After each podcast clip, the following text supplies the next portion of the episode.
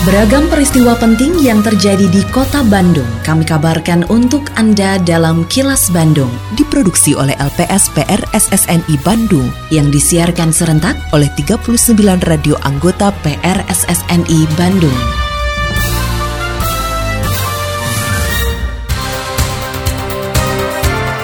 Sejumlah informasi aktual kami hadirkan untuk Anda dan inilah informasi utamanya.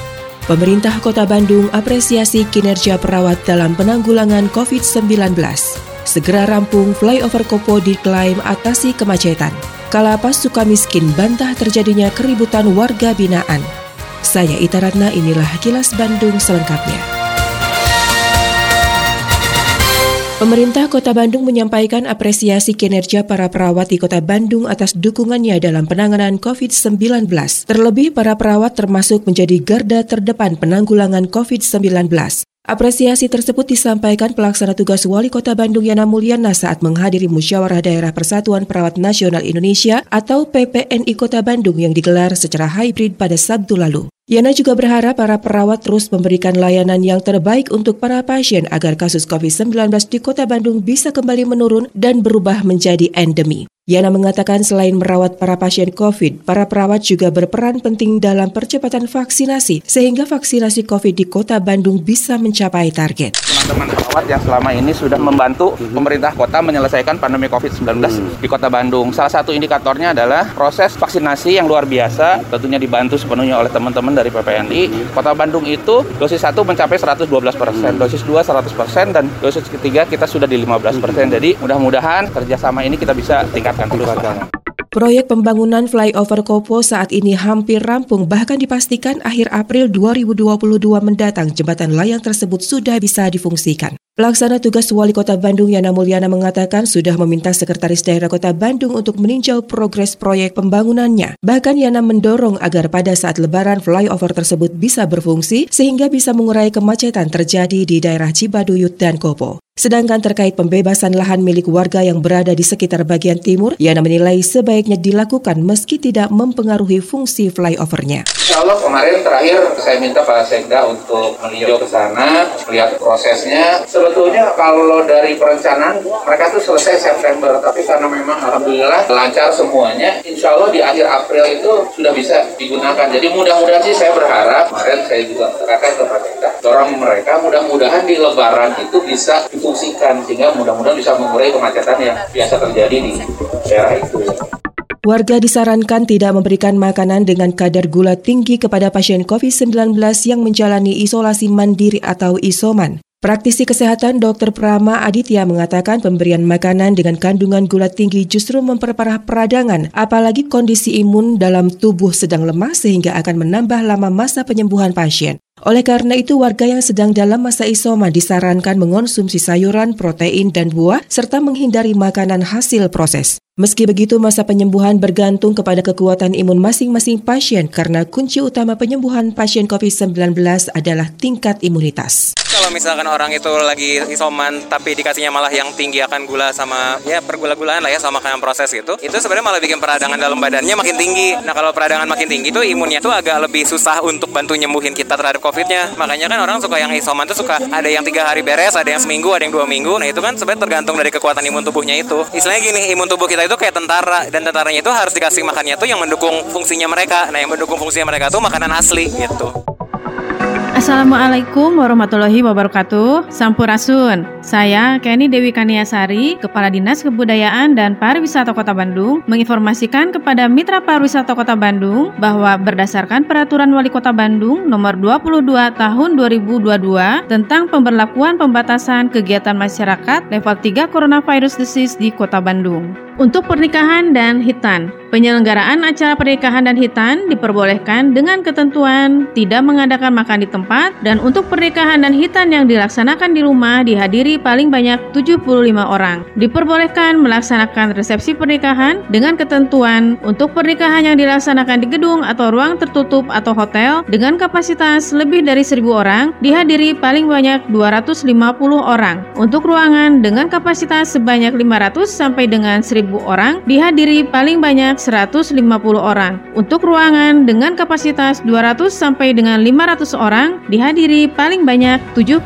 orang. Untuk ruangan dengan kapasitas kurang dari 200 orang dihadiri paling banyak 25% pengunjung atau tamu dari kapasitas ruangan.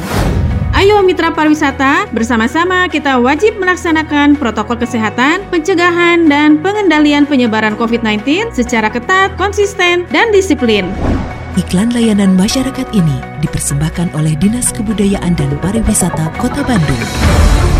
Kini, audio podcast siaran Kilas Bandung dan berbagai informasi menarik lainnya bisa Anda akses di laman kilasbandungnews.com. Kepala Lembaga Pemasyarakatan atau Kalapas Sukamiskin Bandung Eli Yuzar membantah telah terjadi insiden keributan antar warga binaan lapas yang melibatkan mantan Ketua DPR RI Setia Novanto dan mantan Sekretaris Mahkamah Agung Nur Hadi. Menurutnya yang terjadi di lapas Sukamiskin hanyalah kesalahpahaman dan tidak melibatkan secara langsung sosok Setia Novanto dan Nur Hadi, melainkan sejumlah warga binaan yang diduga terbelah dan menjadi dua kubu, yaitu pro Setia Novanto dan pro Nur Hadi. Edi mengatakan kesalahpahaman sudah diselesaikan dan pihaknya langsung menggelar sidang terhadap pihak yang berselisih dan sudah mengambil tindakan tegas bagi warga binaan yang bersalah. Kita bawa ke sidang tim pengamat pemasyarakatan. Jadi kita di lapas itu punya tim pengamat pemasyarakatan. Ya aman, tidak ada keributan ya, tidak perselisihan saja sebenarnya. Cuma karena di sini mungkin ada Pak Stiano Panto, ada Pak Nur Hadi kan begitu, yang notabene kita tahu kan, sehingga menarik perhatian daripada masyarakat.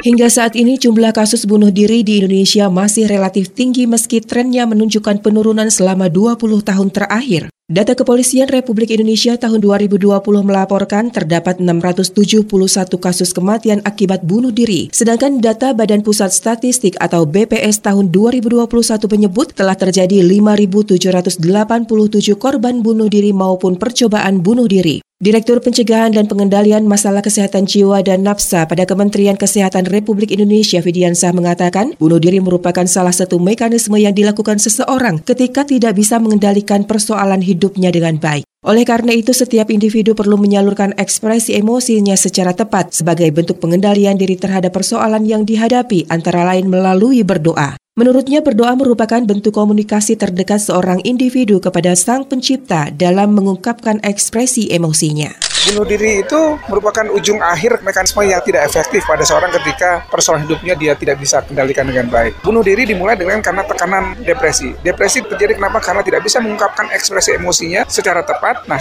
untuk bisa melakukan ekspresi tepat, lakukanlah curhat sesegera mungkin. Nah, curhat yang juga mungkin tidak difahami adalah curhat doa. Doa itulah curhat kepada Sang Halik. Ya. Ketika memang dengan manusia sudah diupayakan, namun ada sesuatu yang belum mendapatkan semacam pencerahan, curhat yang paling tinggi adalah curhat kepada Sang Halik. Hai wargi Bandung, kamu tahu nggak kalau Bandung Smart City sekarang punya aplikasi Bandung Super Apps namanya Sadayana atau Semua Digital Layanan Kota. Nah, ada menu apa aja sih di Bandung Sadayana?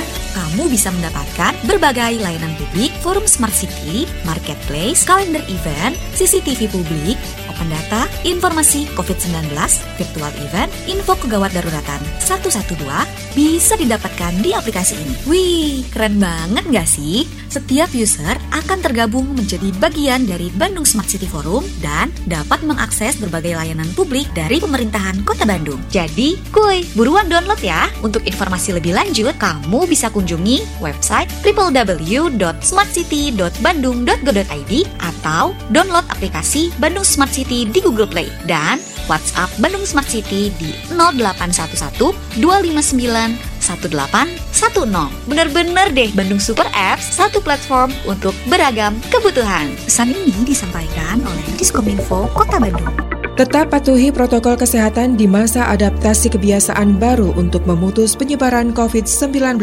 Selalu memakai masker, mencuci tangan, menjaga jarak, dan menghindari kerumunan serta mengurangi mobilitas agar terhindar dari terpapar virus corona.